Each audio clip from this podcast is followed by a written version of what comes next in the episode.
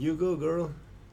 Živijo v podkastu spletne postaje Metina Lista, Metin čaj je to, v njem pa pretresamo medije na stojen en način. Uh, kaj so trendi, kaj je dobro, kaj bi bilo lahko boljše, kaj so prakse, kakršnih ne bi želeli gledati.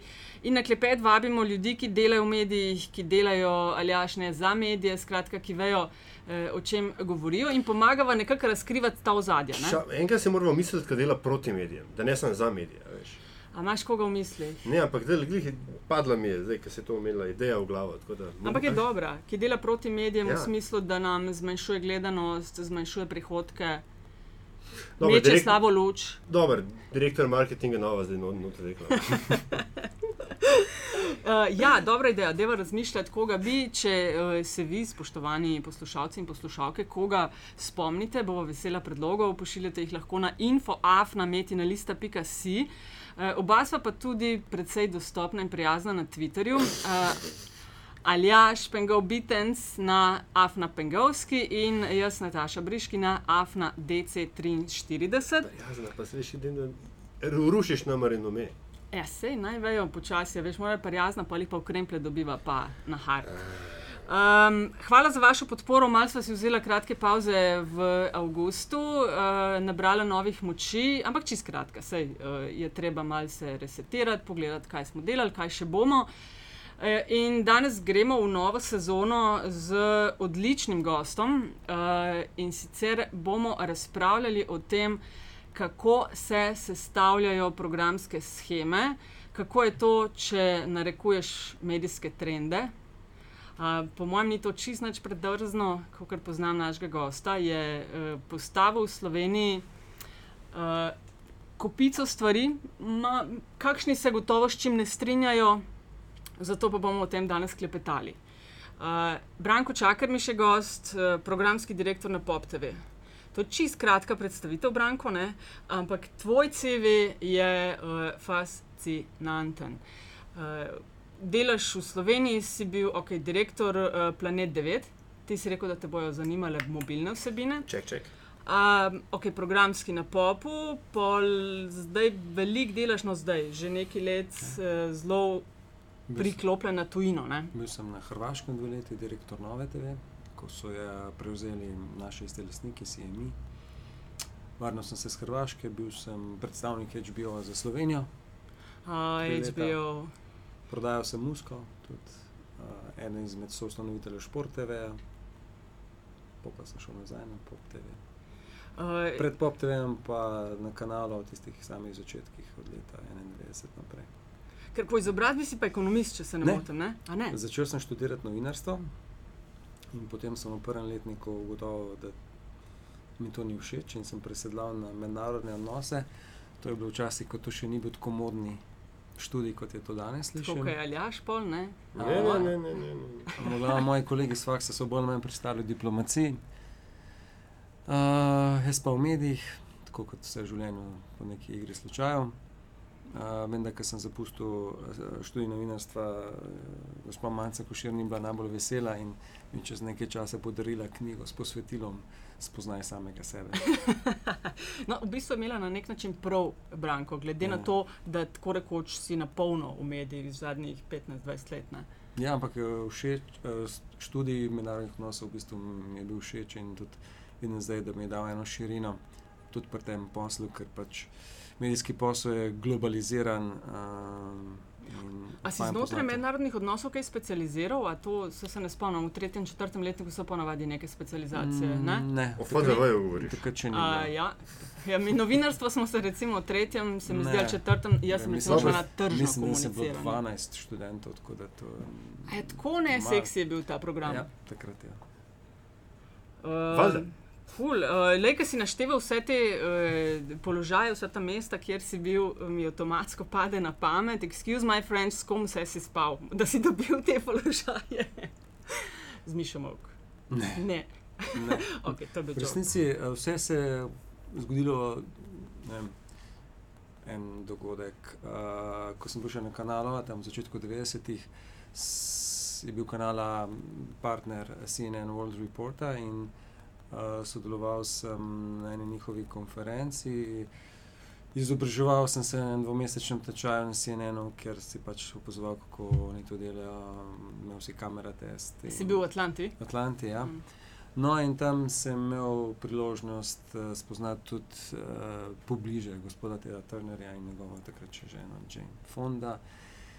In uh, bila je konferenca, in sem, sem z navdušenjem govoril v Sloveniji, kako je pri nas fajn priti, investirajte, dežela priložnosti, ne se smejate, to je bilo začetku 90, ko smo vsi to verjeli. Ja, ja, ja, ja. Zato je še vedno, to še vedno Ja. verjamemo. Sam Verjamemo.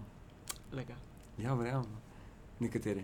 Vedno bolj, ne? No, Ker in, tam pa pridemo brez verjetja, Ja, brez vere. in potem uh, so celo nekateri predstavniki Turnerja prišli v Slovenijo, proučevali, ali bi kupili kanala, iz tega se takrat ni nič zgodilo. Ampak, kot pravim, srečaš ljudi, pojavi se priložnost in tako tudi z CMI. Jaz sem z njimi začel sodelovati že leto in pol, preden so oni sploh prišli v Slovenijo. A v bistvu sem skautiral za njih uh, tržišče, ljudi. Um, Čak, to si v par rosnih 20 letih že počel. ja, grozno. Ne, vsaka čast. Ja. In tudi direktor programa sem postal čisto slučajno na začetku, zato ker jaz sem skautiral ljudi in jih prepričeval, kako bo to uspešna zgodba. Veliko teh je dal še moji kolegi. Um, in enega sem tudi prepričeval, ker naj bi postal direktor programa, pol pa se je 5 pred 12 ustrašil. To vemo, kdo je. Se Ja, ampak ne bom povedati. povedal, A, ni korektno. Okej. okay. pač so mi ponudili to mesto. mhm, tako se je vse skupaj začel. Um, ok, dajmo na program. Uh, Branko, Pop TV je verjetno zadnjih deset ali mogoče več, mogoče kakšno leto manj, ampak uh, najbolj gledan televizijski program v Sloveniji. Ne? Ja, Uh, ti povej. leto praznujemo 20 let, če sem prav začel. Ja, 95 se je začel. Ja. Ja. Uh, ampak je trajal kakšnih. Hvala. Ampak je pa trajal kakšnih 5, 6, 7 let, da. Uh, Mm, ne, mislim, da je že po četrtem letu se je začel preboj, predvsem pri gledanosti informativnih oddaj, s temi zdaj že zgodovinskimi premiki ur, začetka oddaj. In, eh, si, je to bilo tvoje maslo, ste od Ja. začetka? Ja?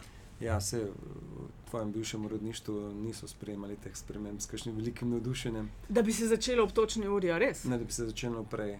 Pred, te, najprej premik je bil na 15 čez 7, pol pa na 7. Ampak A ja, točno v starih časih je bilo pol osmih, so bila poročila. odpor tvojih bivših kolegov, tako da je bilo Ja. veliko prepričevanja, zakaj je to dobro. In zakaj je to dobro, no, če smo že pri tem? Ker a veš, določene stvari so Ja, vendarle eh, preveč same po sebi umevne. Cilj ne. programske scheme je ustvariti gledalske navade pri gledalcih. Ne? In do takrat je bila gledalska navada gledati dnevnik ob pol osmih, in mi smo se tudi postavili na začetku pol osmih. In seveda, prej pridobiš pri gledalcih kredibilnost, ti verjamejo, da ti zaupajo, da pridejo vsak dan, rabiš čas. Ne? Mi smo pa ta čas prihiteli tako, da smo uro začetek oddaje premaknili za 15 minut in smo jim v bolj mirnem času pokazali, kaj zmoremo, kaj znamo, kako delamo, in so se ljudje navadili na 7:15, in potem smo šli na 7. In nacionalka nam je temu sledila. To je bilo takrat, v začetku 90-ih, ko ni bilo take gužve Mhm. v vetru, danes je to veliko, veliko, veliko velik teže delati. Vse ravno zato, ne, ker zdaj imamo pa Planet TV, zadnjič je Bojan Traven tukaj, ne, ker tam pa so pa zelo balinali ne, v teh kam letu ali koliko imajo zdaj infoprogram. Ne. Ja. Pa, zdaj ne vem, kako je zdaj po novem, ne, kakšne so trendi, ampak na začetku je bilo zelo tako. Ne. Ja, uh, A je, d- d- bom, sorry, ker uletava, ne, ampak um, a je sploh še prostor po tvojem v slovenskem medijskem prostoru za eno resno high power, visoko oktansko informativno oddajo? Jaz mislim, da ne. No, ne ja, ampak pač, čist se lahko tudi matematično to gremo pogledati. Sploh pa ni prostora med 7 in 8 uro, razen če si zelo potrpežljiv. Potrpežljivost pa pomeni, da tudi moraš imeti veliko denarja, da pač ustrajaš v tej uri med 7 in 8. Zaenkrat tam na planetu ni nobenih sprememb, isti nivo rejtingov, pa delajo že kot prej. Vprašanje pa, kako dolgo špakcev. Ja, ja. Mm. Ok, zdaj program, pa me popravi, ker se na to gotovo zelo ne spoznam, tako zelo dober, kot ti. Program, ena stvar so čiste tehnični elementi, kdaj se bo kaj začenjalo, to, kar si zdaj razlagal, druga pa tudi kaj, kakšna bo vsebina, kaj se bo objavljalo. A lahko ra- malo čist razložiš v bistvu to, eh, kako to poteka na Pop Ja. Kdaj se začne. debatirati o tem, okay, kaj bomo pa leta 2015, oziroma sezona se šteje od septembra. Ne, No, a- 15 je že pod streho. no, e, to, prosim, če razložiš. Uh, ampak ne vem, jaz rad primerjam to televizijsko programiranje s kuhanjem. Ne, dva kuhata oba, verjetno tako dobro izgledata, pa vem, da si prvoščete pa doma. To so kuhate. solate. Te, No, ampak se tudi solate. Čakaj, pač. Zdaj, kakšne urade sem zadnjič naredil? vem, sem videla, si dal na Twitter. Ne? Glej, pač, uh, pri kuhanju imaš tudi sestavine, pa televiziji imaš tudi sestavine. Drama ima drugačen okus kot komedija, to zmešaš in dobiš neko jed oziroma oddajo.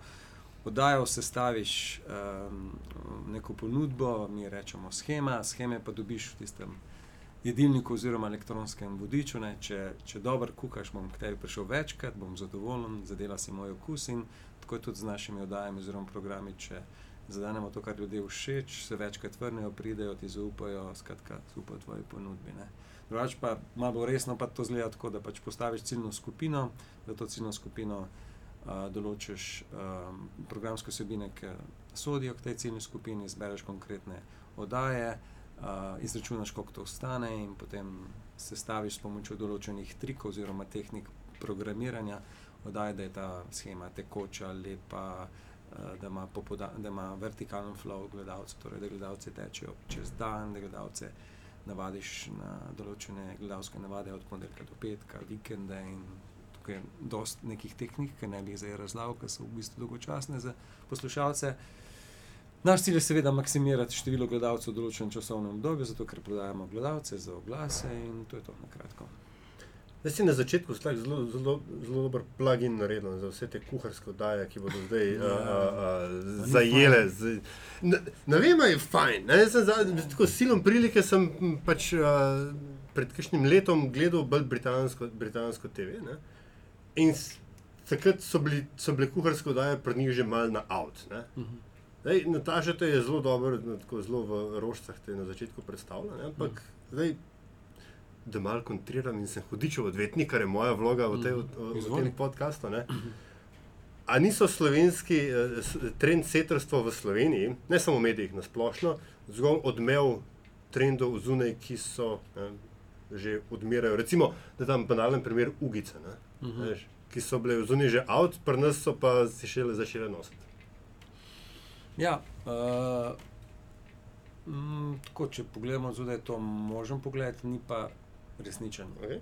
Uh, prej sem rekel, iz česa mi izhajamo. Mi izhajamo iz tega, da maksimiramo število gledalcev, da prilagodimo tip gledalcev naši ciljni skupini, zato ker to ciljno skupino prodajamo oglaševalcem oziroma agencijam. Ne? In vsakeč moraš pogledati, kakšno strukturo oglaševalcev imaš na trgu. Ne? In fast moving consumers ali pa retailerji, torej trgovci, oni se radi povezujejo s, z kulinaričnimi vsebinami. Ne? In to je tudi ena izmed razlogov, zakaj ustvarjamo to kodaj, ki so v povezavi z a, kuharjem, zato da lahko to prodamo. Iz največ- potrebe oglaševalcev. Tudi, Torej. tudi. Okay.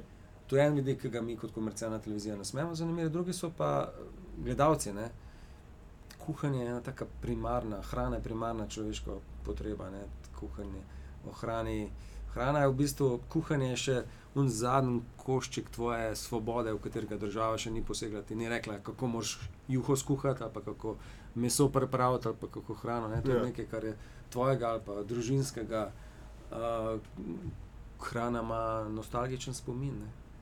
Eh, nosi neko nostalgijo v tebi, kaj si jedel, kaj ti je mama kuhala, uh, kaj, kakšna družinska kosila.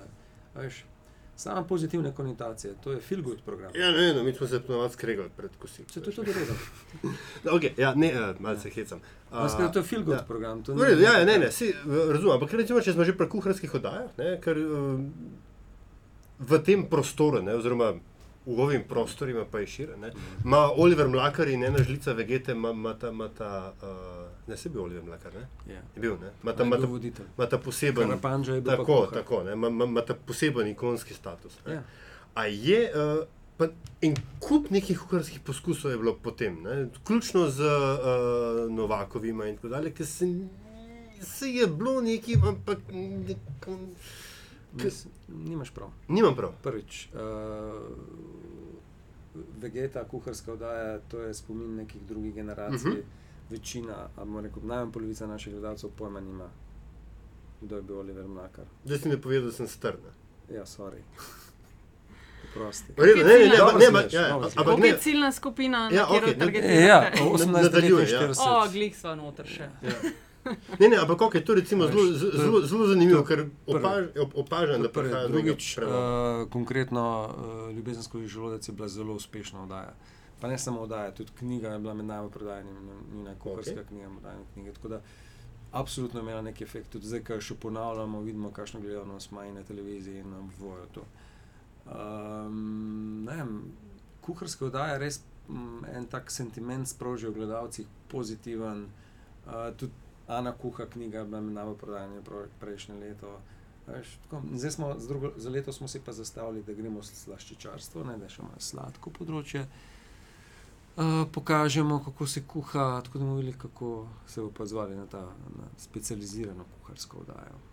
Um, Aljaš, ti si omenil v bistvu te oglaševalce in ti si tako rekel, da je v bistvu zelo pomemben element, normalno za komercialno televizijo. Koliko zelo pomemben? Uh, a se vpraša njih, kaj bojo dali denar, pa se v tem Ne, pogledu ne. išče program, ali Ne, se oni nimajo pojma o tem, kako. Imajo pa denar in rečejo, ja, to bi radi ne pomeni, gledali. da se spoznajo na vse. Mislim. Eh, Vse, v vsakem primeru mi sami postavljamo schemo in prvi kriterij kaj bo gledalci gledali, zato ker šele gledalci oziroma rejtinge lahko prodaš uh, oglaševalcev. Brez tega ne moreš biti uspešen.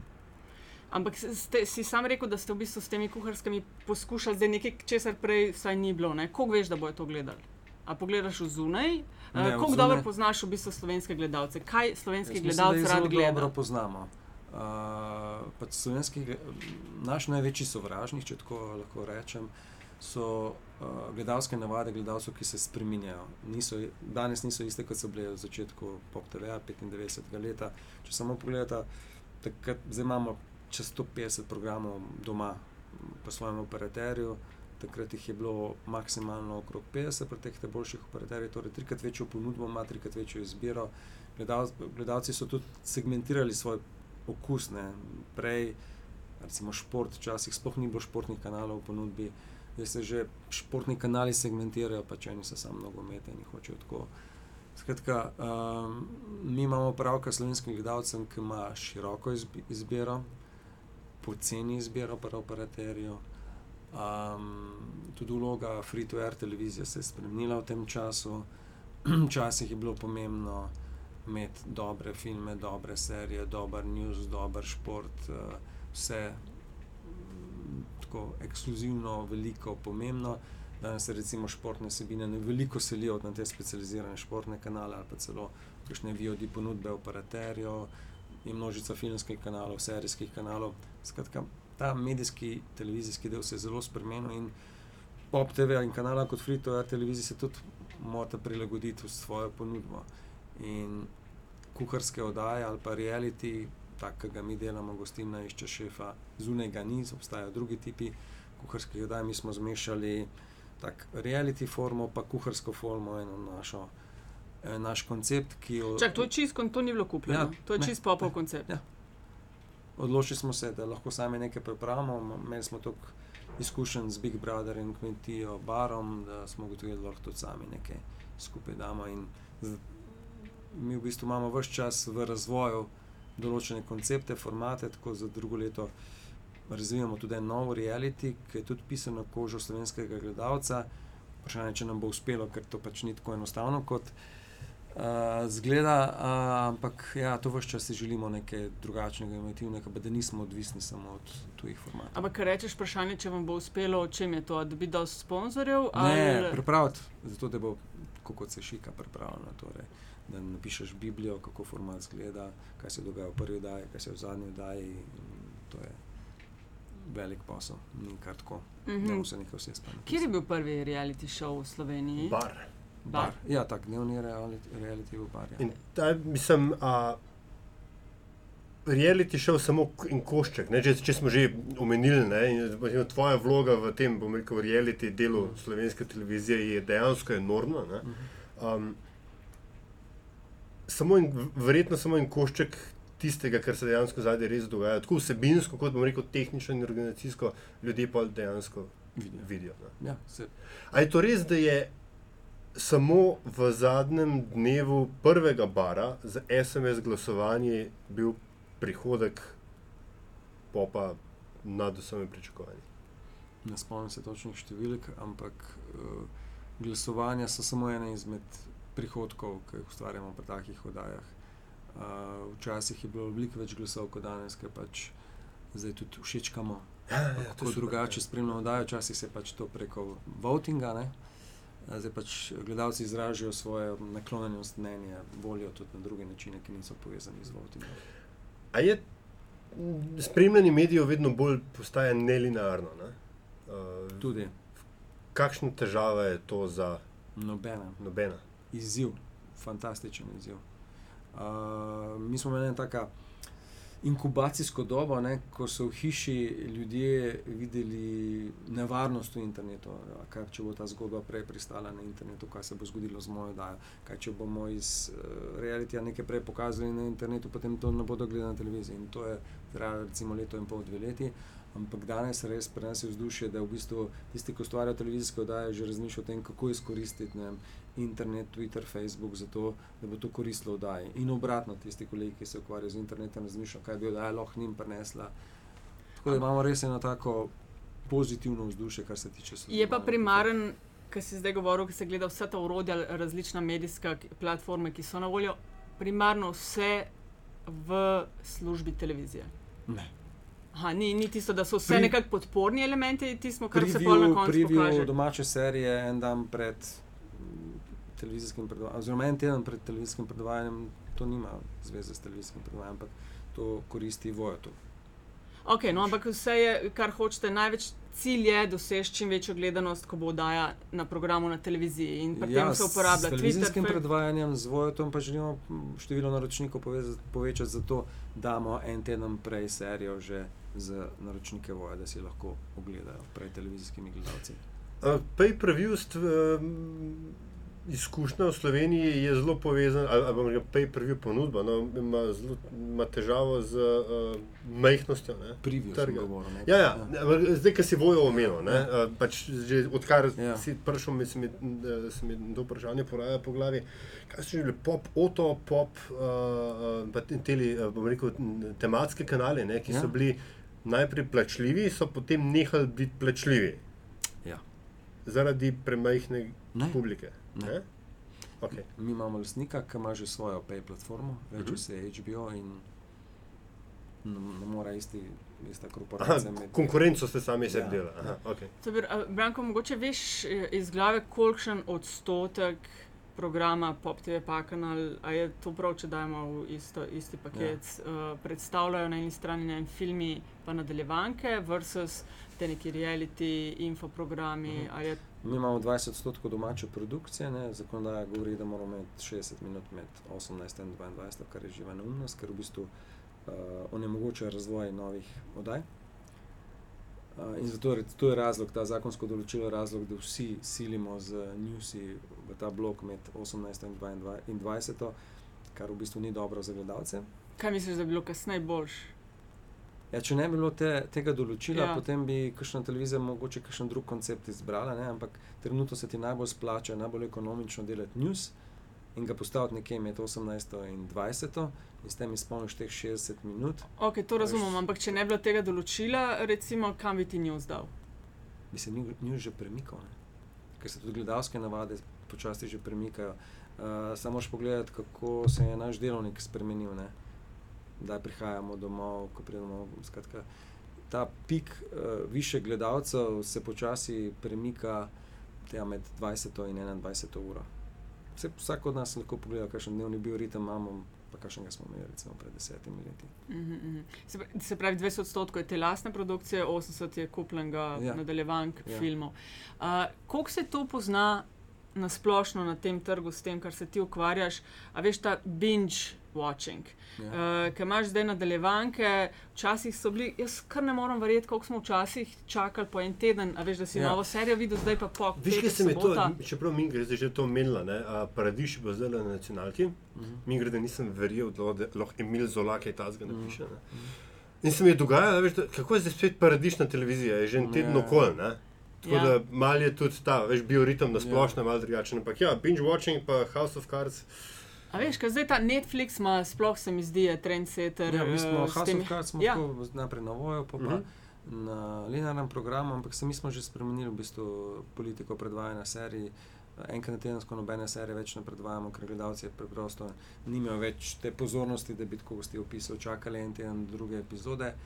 Vse a, damo štirikrat, petkrat na teden, a, več ponovitev, zato da jo ulovijo v različnih terminih. Tudi pogajanjih študij razlagamo, da pač um, moramo zmanjšati časovno okno med ameriško premjero in slovensko v našem primeru, zato ker pač in pirati in druge storitve pač omogočijo, da gledalec tistega, kar določena serija zanima, že pred televizijo to vidi. Uh, ampak to je en tak daljši proces, ker so major študije relativno konzervativne organizacije in terjajo veliko Mm. časa pa pogajanj. Ko si omenil to večkratno predvajanje na dan, ne še iz časov, ko je bil Sky News uh, dober program, uh, Sky News, sorry, Sky One, Uh -huh. ki smo Star Trek gledali. Bila varianta, ali si ga ujel ob petih popovdne ali pa ob enajstih Mhm. zvečer. Ne? A je to, to povezano s temi z, gleda, navadami gledalcev, Ja, pa bioritmom? Pa To je pač eno tako tipično skeduliranje za kabelsko televizijo, kabelski program, ko pač določeno vsebino predvajaš večkrat v različnih terminih, zato da poloviš Mm. eh, gledalce. In to, to je, zdaj, če prav razumem, podobna logika, ki, si, ki jo ti eh, poskušate narediti z večkratnim predvajanjem. Ja. Ja. Uh, zdaj, ti vodiš ta programski del na Pop TV-ju in sam si omenil, da zgleda vse skupaj kot eh, kuhanje različnih ingredients. Um, a ti si tista, imaš ekipo, ki uh, Ja. gleda in. Se sama veš, da na televiziji posameznik ni več, ne, televizija je mm, ekipni šport. Jaz pač uh, slučajno vodim ekipo zelo dobrih, izkušenih ljudi, ki se spoznajo na svoj posel uh, in v bistvu oni pripravljajo scheme. Imamo urednika za filmski program, imamo urednike za posamezne scheme in sodelujejo in pri izboru, in vse pol pri postavitvi. Pri izboru to zgleda kako, da imate uh, vem, DVD-je ali karkoli uh, Da pred se to sabo. vse že uh, No, to online. pove. online. ja, tako, drugače pa Major Studios so glavni dobavitelj uh, televizijskih vsebin po svetu. Ne?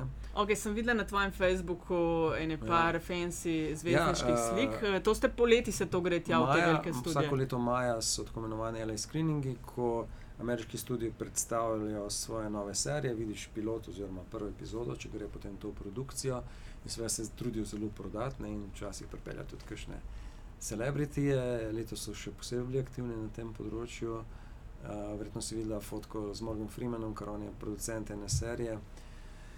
Madam Secretary, uh, tebi bo všeč, po mojem. Uh, Tia Leoni um, postane po igri slučaja um, državna sekretarka, ker prejšnji umre in predsednik izupa, ona je sicer profesorica ne, na, na, na eni univerzi, se spremeni na življenje, življenje in seveda pade v neke teorije zarot in tako. In to je pop kupu. To se še pogajamo, ker ne vem, kako bo to šla zgodba naprej. Viš, tako poteka potem proces. Pogledamo, aha, tako, kdo je igra, te Leoni, Tim Daly, gledalci ga poznajo tam, te poznajo tam, ko bo šla zgodba naprej. Prva, prvi piloti, prva epizoda, piloti so vsi napumpani, več zgledajo kot filmi in res se potrudijo, ker wow, Ja. za ta wow efekt, potem pa se to spremeni, imamo že toliko izkušenj. Pogledamo, v katerem slotu in na katerem networku je v Ameriki, dobiš en občutek, da to bo zdržal, ne bo zdržal, ali bo ena sezona ali sploh ne bo.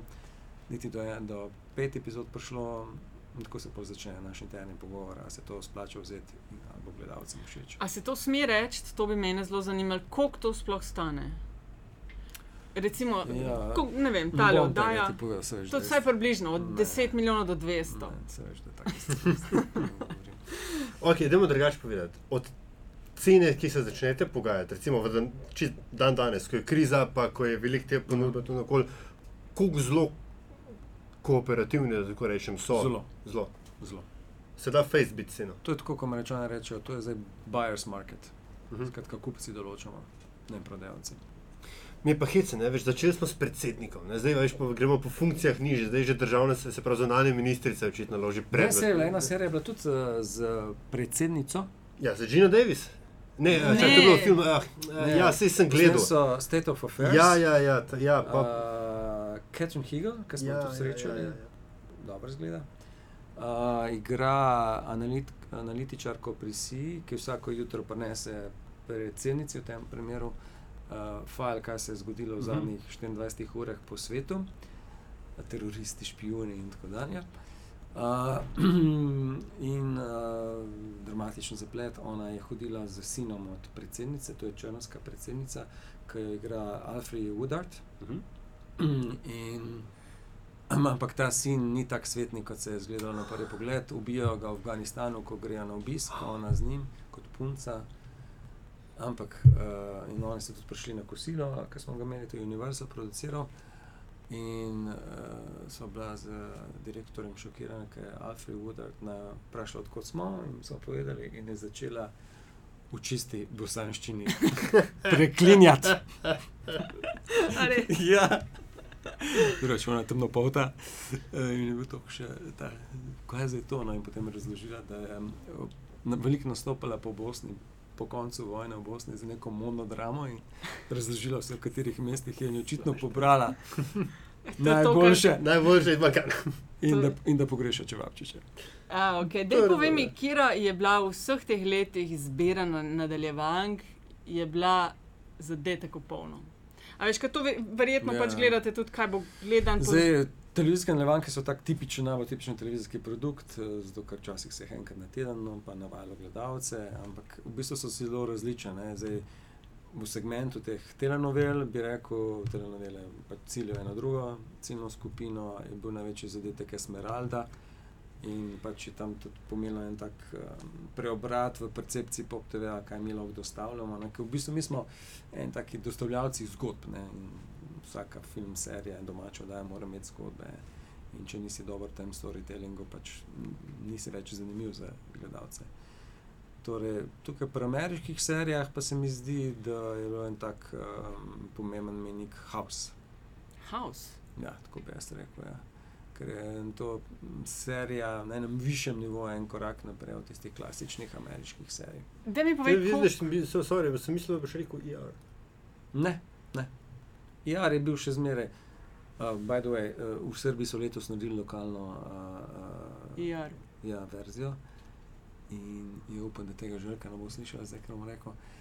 In uh, so nam poslali uh, prvo, pa drugo epizodo, pogledaj, če bi nas zanimalo, da bi kupili. In kako je zdaj to, demode, ta tip medicinskih serij, ker so se medicinske serije čisto spremenile. Ne?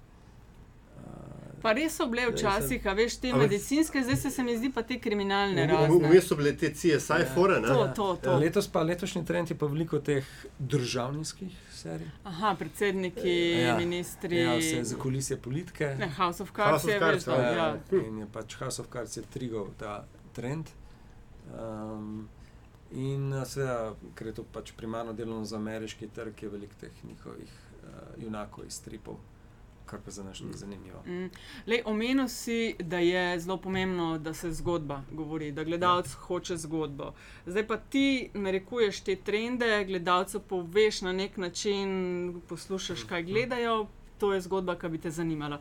Koliko pri tem razmišljaš, ne samo na to, koliko zelo bo to gledano.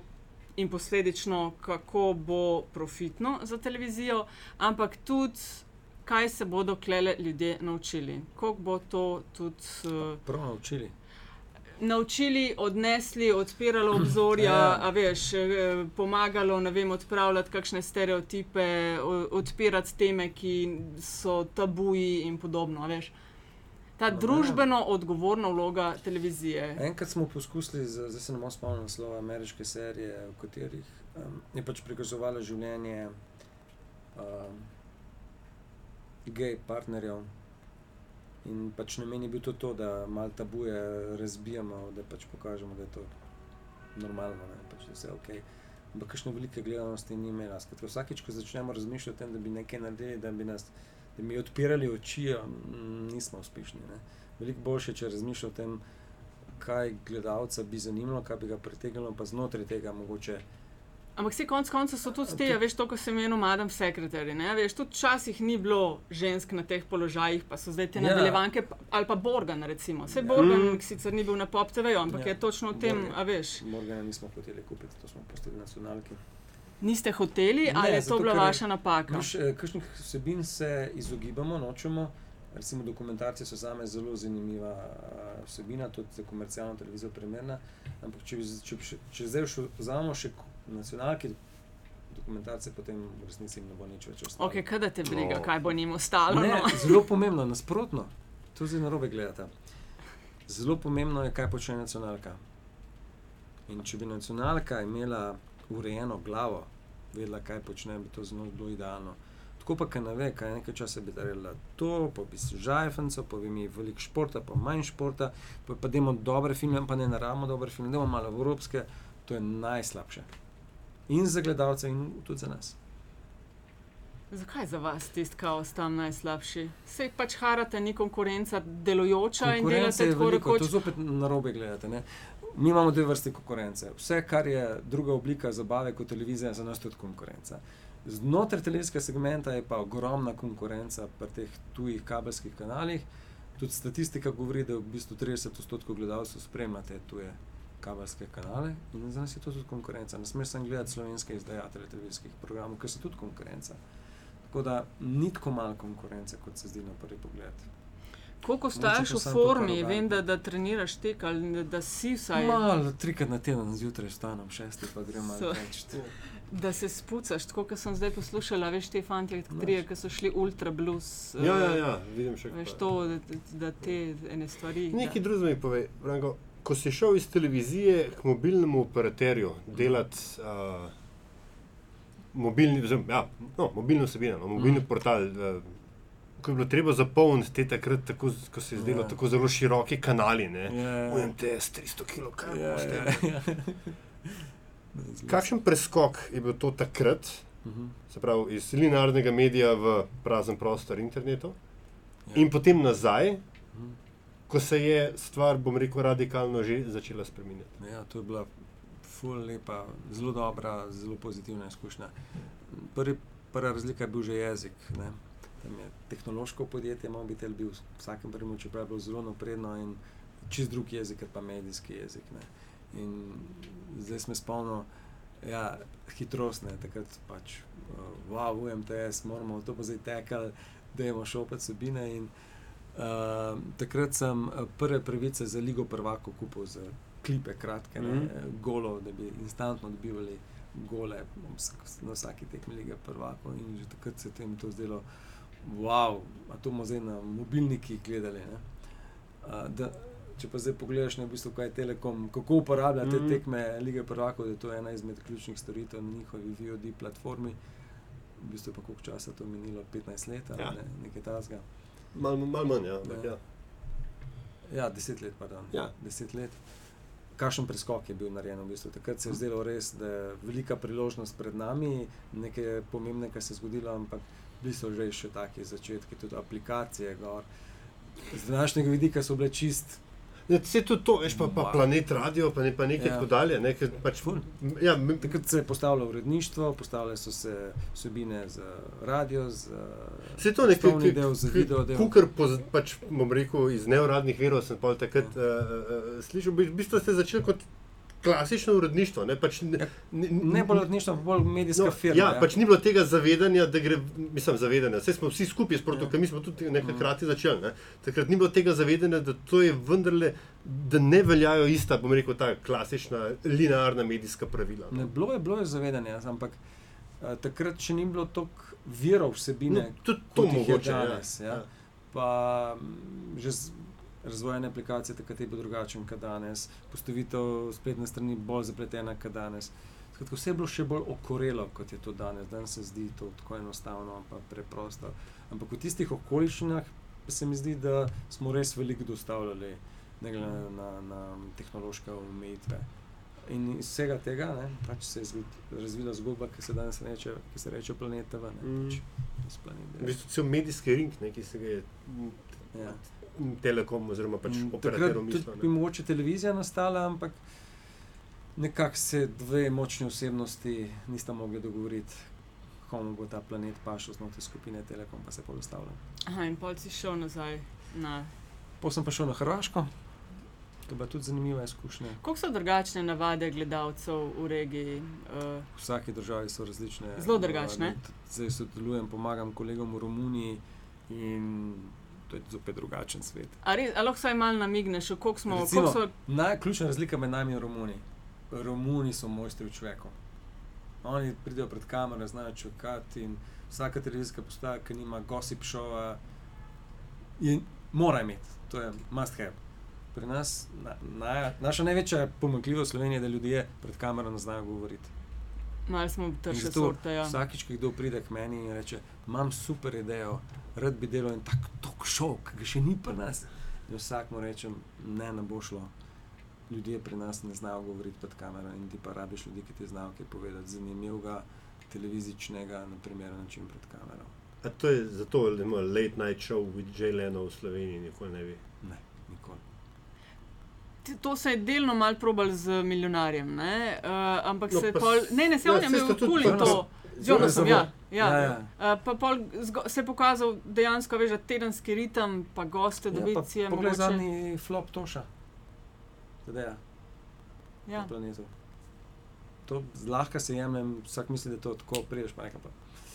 Ni to tako. Sam Jimmy Fallon, poglej katero koli točko, koliko je to nulo sproducirano, premišljeno. No, pa tudi kakšna ekipa ima. Izvedeno zadaj, z gracioznostjo, eleganco. Ja, no, on je odličen, zdaj, zdaj si Ja. dal super primer, on je Ja. krasen. Prej, ko si filmski, za stripovske enake omenjal, ne, ki pri nas eh, ne grejo ameriške. Ne. No, že vem, kam boš. Okay. Science fiction. Ne, Ja. ah, kje pa, ne, glej, brez veze. Jaz kot uh, zadrt treker točno vem, da to v Sloveniji ne gre, brez veze. 8000 mogoče. Ja. Bi, ne, uh, uh, serija po liku Alana Forda. Pri nas. Vprašam, čist, evo, ideja. Tako bi ti odgovoril, a, ko si začel razmišljati, ciljna skupina, to, tisti, to ste st- moški v zrelih letih, ki smo brali Alana Forda, pa še časi kakšne fore mečemo. Ne, to, ne bo hotel gledati Ljano, če bi bilo bi to ob 11. polnoči se ne splača, bi ti rekel ne. Konc. A te veliko eh, tako um, prihaja do tebe, cukajo za rokav z idejami? Jaz, ja, se jaz imam odprta vrata. Se, Ne, tudi- saj se tudi zdi možen logično način, da to. se pogovarjaš z ljudmi. Uh, pa, da tebe razumejo, pa da tudi njih razumeš. No, pa- veliko tu dobrih stvari pride z njimi. No, sej pa povej, da bo tisti, ki poslušajo, pa imajo ideje, povedali, kaj uh, je zanimivo. Kaj bi te zanimalo, kakšne ideje se iščejo, kaj se proba narediti. eh, Odvisno za kateri program. Mislim, za Pop TV absolutno iščemo nekaj, kar je tako široko nastavljenega, za široko publiko, družinsko. Da primerno za prime time, ker izven prime time z domačo produkcijo ne gremo. Mm, za kanala pa popodanske termine na popu pa za vse stvari so odprte. Zdaj, recimo imamo vrtičkanje, ki ga poskušamo na nek drugačen način narediti, pa smo več kot eno leto iskali primerne osebnosti za to. Ker en izmed hendikepov Slovenije je ta, da pač nimaš na voljo pet ljudi za eno stvar in med tistimi petimi izbiraš, ampak nekako moraš ti poiskati, pa ga pripričati, pripraviti, navdušiti. Tako. No, ampak Drugačen gled, to si omenil, tale termin, kjer mora biti domač program, je pol pač rezerviran za informativni program, ti imaš drug, druge vrste program. Česa te je kdaj zanimalo ta info uh, vode? Vse, Jaz sem začel uh, kot novinar na starem Okej. kanalu. Ja. Ja. Ampak jaz, po mojem, danes ne bi dobil no, službe, če bi hotel biti novinar, urednik, nobenem medijskem uredništvu v Sloveniji. Zato, ker imam zelo drugačen pogled na to, kar bi, kar bi morale biti news vsebine. Ja, dej no, povej No, ja, malo. ja, no, Recimo, no, kaj, no, kaj je za vaju bila ključna tema tega poletja? Ah, jej, kaj je bila se ključna odklopil, tema? No. Ja, ok, mislim, dobre volitve, definitivno. No, se jaz nikoli ne bi postavil volitev. Ampak če je bilo gledano, vse so povedali, kakšne so številke. Super, ampak za me je bila ključna tema tega poletja vreme. Okay, To to sem, to sem hotel reči. vidiš? Evo, to sem To hotel tudi, reči. Ajde. In vsakič, ko jaz to rečem, komu, ki je z novinarskih krogov začne obračati z očmi.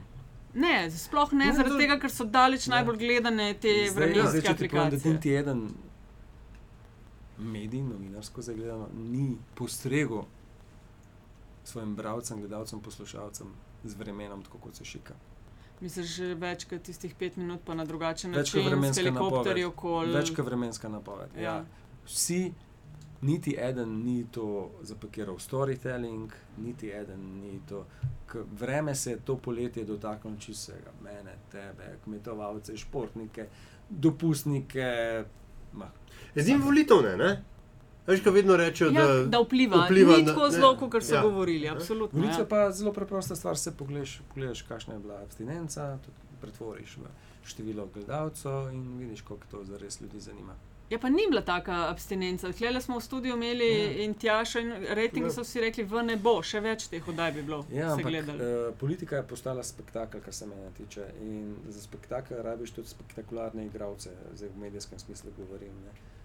In mislim, bodoči predsednik vlade, oziroma že potrjeni predsednik vlade, medijsko ni najbolj zanimiv. Mu ne bi dal talk šova. Ne. Z vsem spoštovanjem do njega, zdaj ne govorim nič slabega, ampak tako čisto po medijskih pravilih. Okay, kdo pa bi bil? No, po tvojih, Asmara, kdo bi po tvojih kriterijih on bil? zanimiv? Kdo? Uh, gospod Miro Cerar. On je bil zanimiv na podelitvi Slovenke leta, ki je imel en govor, pa si ga prebere, preberi, to je Oda ženskam. Lej, ne vem, če me zanima. Svetujem ti, pošilja zelo zanimivo. In če bi on ta govor prebral v kakšni volilni oddaji, vse ženske volilke bi dobil, pa še tako izstopil bi. Dobro, se je No, itak zmagal, ne, ja, ampak- koli Ne. druga, veš, skoraj. Skratka, bil bi mest. Ok, no, ampak kjeri pa so bili tisti, kjeri pa so tvoji bi bili kandidati, taki televizični, spektakularni, Ja, Eh, kjeri so, pač si rekel, cerar. Komu bi dal talk show za voditi, pa da ni profan? Evo, dajmo tako reči. Ja. o, ja. A veš, da ne gre na te Zdaj zdaj izključimo zmage Jelinčiča. No? Ja. Ker Ja, prvič je ja. imel talk show in pač. Ja. Ja. Ja. V politiki. No, ja, ne poznam toliko ljudi v politiki, se upravičujem. Te ne Ne. zanima to zelo. Ne Ne. šel nikoli v politiko. Ne. Mislim, čeprav itek se greš na polno politiko s tem medijskim vsi- soustvarjanjem in Vsi, trendom. vsi zbolijo, tele, ki so bili v politiki.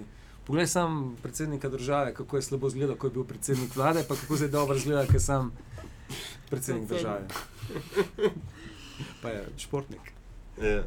Če bi te poklical novi, nova ministrica za kulturo, ki bo, kot kaže, bo in bi rekla, rabim direktorja direktorata za medije, bi rekel, ne kličite me več.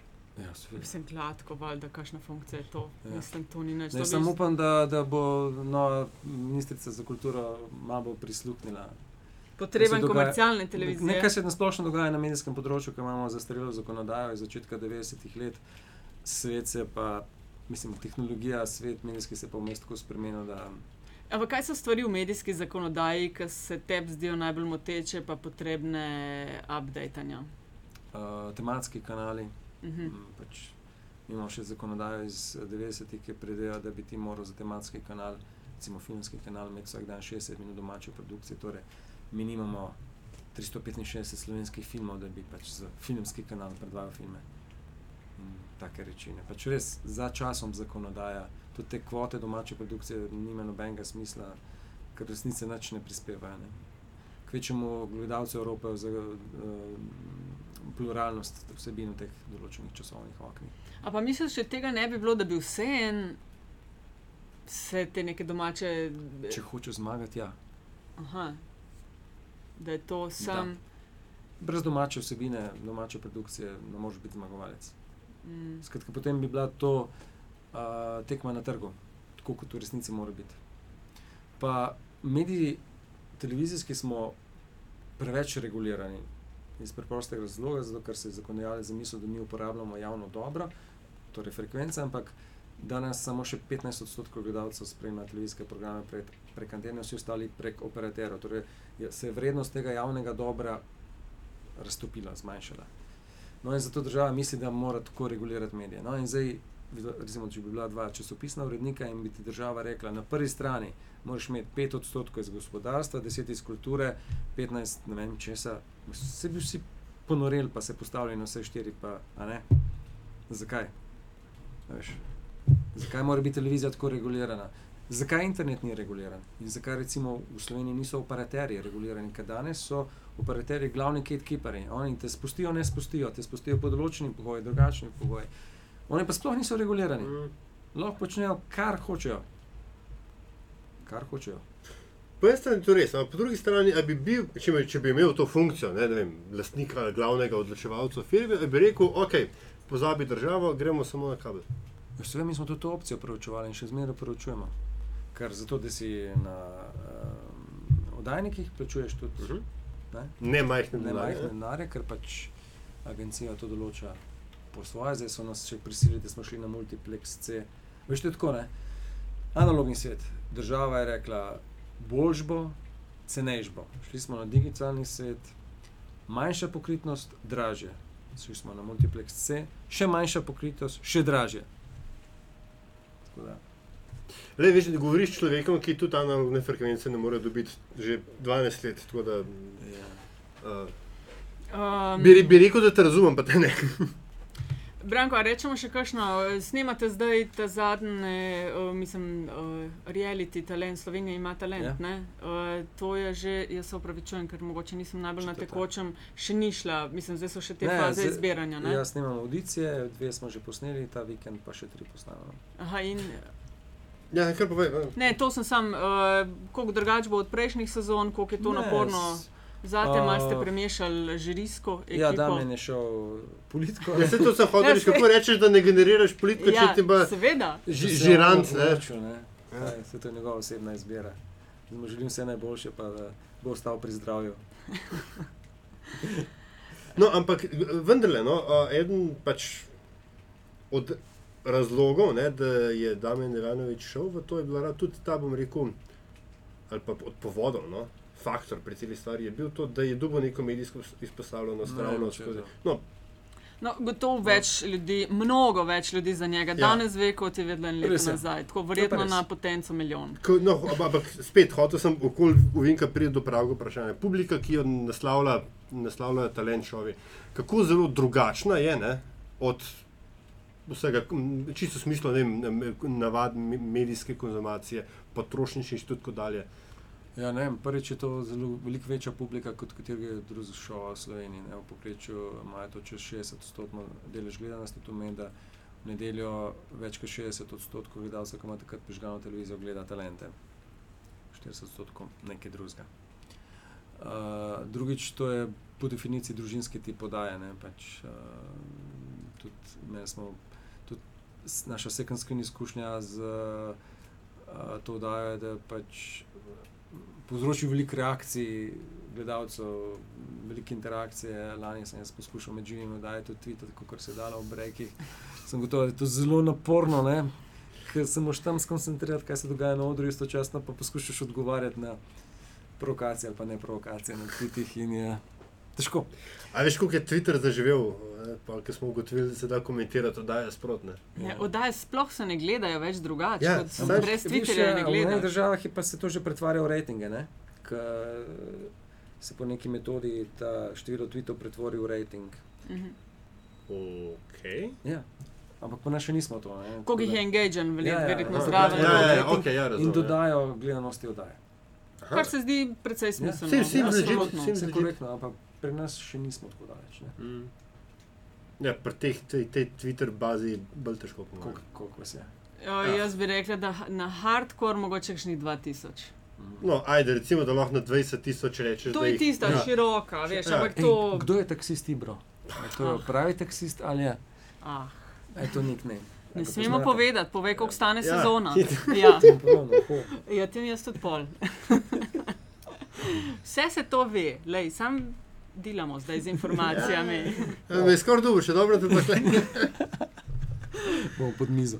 Ja, uh, a, še kaj, vse smo že. kar, Ne, glej, sebi eh, po mojem še lahko v- vrsto stvari. No, Ja, ampak, kopica, eh, upava, da lahko mogoče še kdaj računava na, na tvoj prihod. A bo televizija postala in, internet, ali bo, kdo bo zmagal v tej, v tej bitki? Ne, jaz mislim, da tukaj sploh ne gre za zmagovalca. Ne? Zdaj televizija, kaj misliš, televizija kot linearni kanali? Ja, Jaz mislim, da bo to ena taka orkestracija vsega, ne? da pač se bo vsebine naselile in na linearnih kanalih, in na nelinearni obliki, in na tvoji tablici, in na tvojem smart TV-ju, telefonu, in na tvojem cloudu.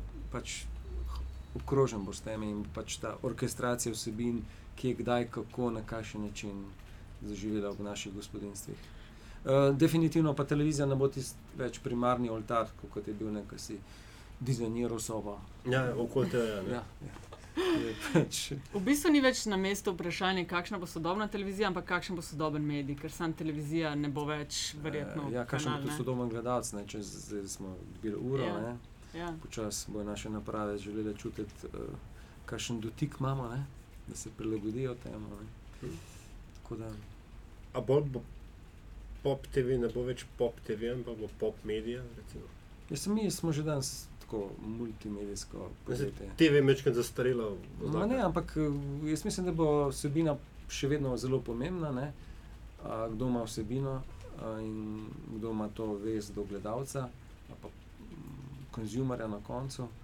M, televizija ne bo umrla, samo način sprejemanja percepcije, interakcije z koristnikom te vsebine televizijske se spremenja. Branko, to delaš ti že nekaj časa. Kaj Ja. je tvoj drive? Kaj, a veš, to 20 let si v tem, mm, novi izzivi, kaj, kaj tisto, ne zakaj še kaj- vedno greš? novega. Zdaj, recimo, pomagam kolegom v Romuniji, pa je to en tak izziv, da spoznaš eno čist drugo a, mentaliteto. Se čez kulturo. deset let še vedno vidiš, klele, kjer vem, si. Se veš, da je kar Ali naporno. Politiko boš šel, boš videl. Ne, ne maram politike. Je kar naporno, je tempo, no. se veš, kako to zgleda. V bistvu naše delo je vsak dan merjeno, vsako minuto. Za me to sicer ni več stres, včasih je bil to zelo velik stres, ne, kako si se odrezal prejšnji dan, ampak zdaj to ni več stres.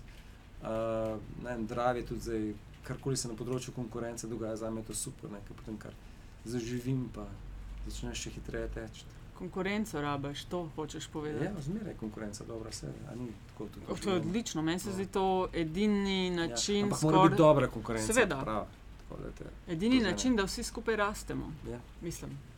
Okay. Drugač pa je Slovenija še zmeraj držala priložnosti, kot leta 91. Vidiš, no, pa, smo naredili cel krog. E, Ko sem šla v Ameriko, mi je kolega rekel, uh, Nataša, Amerika je država priložnosti, zagrabi prvo in pridi nazaj. Drugač pa Amerika je fajn, sam za enega. Mislim, tudi z več razlogov tega je fajn. Tam se ne bustaš uh, te, tega njihovega. Powerja. I can Ja, do ja, ja. it. Uh, ja. Sicer, ko prišel nazaj v Slovenijo, mogoče traja par dni, ampak vseeno je fajn Ne, ampak so, imajo, imajo tisti nastop, Ja, vse naše, vse zmoremo. Glej, jaz sem delal v različnih državah in mislim, da je en naš ključni handicap je ta, da nimamo te moči prezentacije. Skromni prezentacije. smo, veš, Ja. bojimo se. Jaz se Ja. spomnim, sem z, s kolegico Gor debatirala uh, slabšo izobrazbo, uh, manj, recimo, v narekovajih odmevne jobe. Ko po, sem pogledala CV, ki si ga je ona napisala, pa to, kar si mi napišemo, se nekaj šit. Ja, skromni smo. Ja. Moram se. Tako da ne vem, koga bomo krivili za to, naše starše, šolnike. Ja, gled, se, je, se je medijsko nezanimivi predsednik vlade rekel, da smo mi krivi, ne? mi, Dobro. sključno, ne? Mislim, grupno. A veš, ampak po drugi strani pa ne. Sem- saj- E, on bo samo zanimiv. Jo, upam, da tega ne bo poslušal. Ga bomo je cacali, Pri njemu malo tudi teh duhovnih elementov se lahko najde v tem, kar govori. Ne, me zanima, kako bo to državno politiko vnesel tudi kakšne te duhovne primesi, prvine v način vodenja, komunikacijo. Ja. Energija, govor. povezovanje ne, na Ja. drugih Ja, nivojih. Eno je, pač govoriš, druga pa, ko imaš v praksi to izpeljati, se to veš, kako je včasih. Ja, pis. Ja, ja gled, no, sej. Uh, vse dobro mu želimo. Ne? Preber si ta njegov govor. Če bo kje, če je kje dostopen, ga Sigurno, ja. bom. Ja. E, ok, Branko, e, mi dva z tele podcaste zaključujeva s tem, da gosta povprašava po eni zanimivosti, e, kaj bi želel deliti z občinstvom. Lahko je to nekaj povezano z njegovo njeno kariero, nekaj čist, kar ga sicer zanima, pa se mogoče profesionalno s tem ne ukvarja v življenju. Uh, kaj bi to bilo pri tebi? Uh, veš, to je tipa tell me something I don't know. A ve, vemo, da Ja. veliko ne vemo, ampak uh, A že kdo razkril svoj the most embarrassing moment? Tudi če ga je, ti ne bo povedal. Se ti bom pol povedal nekaj drugega. mislim, ok, travka je govoril o tem, kako mu solata gnije. To je, To je bilo dosti embarrassing, ja. vidiš, Ja, ja, ja. vidiš prekletstvo, če greš politiko. Ja, to ti je že začne- začel. Ni to dobro, vidiš. Ok, tvoj embarrassing moment. Ja, jaz Pripravljeni smo po žen. Uh, mislim, da je to bilo na starem kanalu Aten, ko smo še bili na Šmartinki uh, in sem vodil eno redno tedensko oddajo soočenja, pozabil sem med dvema ognjema, sem, ali nekaj tasga. In miza Uh, scena, miza na sceni je bila narejena tako kot ping-pong uh, miza, skratka, ampak ma manjših dimenzij in mrežica na sredi. En gost je bil na eni strani in na drugi strani. In v eni oddaji je vendar bil gost Franci, pokojni Franci Božič, pa še nekdo, ki se ne spomni zdaj. In so se strasti tako razumele, da sta tokle po tisti mizi in tista miza šla na razen na pol in potem sem do konca oddaje tako tiščal to mizo z rokami, skrčen in uh, nekako se prebil do konca oddaje, da ni čisto razpadla. Ne? In to je bilo. Mislim, da mojih najdaljših 60 minut pred kamero. Aj že na začetku sta razbila, kar ja, je bilo ja, za razbiti. Tako, tako je. Pač, gospod Božič je bil tako temperamenten. In jaz sem tako vse čas držal. To si poiskal posnetek, ne? Maš? Mislim, da ga ni več nikjer, oh. ker se je dosta arhiva kanala razgubilo, ker so se ti nosilci spremenili, ja, ja. se ni pripisovalo iz enega na drugi nosilc, so bili drugi tehnološki časi.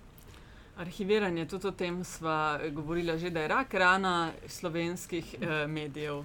Ja. Eh, da je tukaj še ja. veliko velik možnosti za izboljšave. Ja. Škoda, da ne obstaja pišuka. To bi lahko kot YouTube zraven ja, preložili. Ja, Posnetki še vsi obstajajo. Ha, no, to naj se kakšni delčki razgubijo. Branko, super, hvala, ker si bil naj gost. Blazen, blazen zanimiv pogovor o, o zadju programiranja na PopTV. Me veseli, da je Adrija sodelovala. No? Ja, je sodelovala. Ja ker na poti v Prago je bila nevihta in smo tičali na, na stezi in sem zamudil po let za Prago, ker sem šel prek Dunaja. Tako da bi ta, ta cela runda bila čudna. Zvezde so nam naklonjene. Hvala, Hvala. Branko. Uh, spoštovani in spoštovane, če ste uživali in morda tudi kaj novega izvedeli. O poslušanju podcasta Met in Čaj, bomo veseli vaših uh, všečkov, downloadov, šerov in tweetov, komentarji in predlogi, kako bi bili lahko še boljši dobrodošli na infoafnametinalista.si. Če želite ustvarjanje podcasta in vsebine na naši strani podpreti, najdete povezavo na spletni strani prisegamo, da z vašimi investicijami ne bomo financirali pornografskih kanalov, ne bomo se šli tajkunskega odkupa metine liste in tudi ne razmišljamo o prevzemu PopTV-ja. Ne verjete.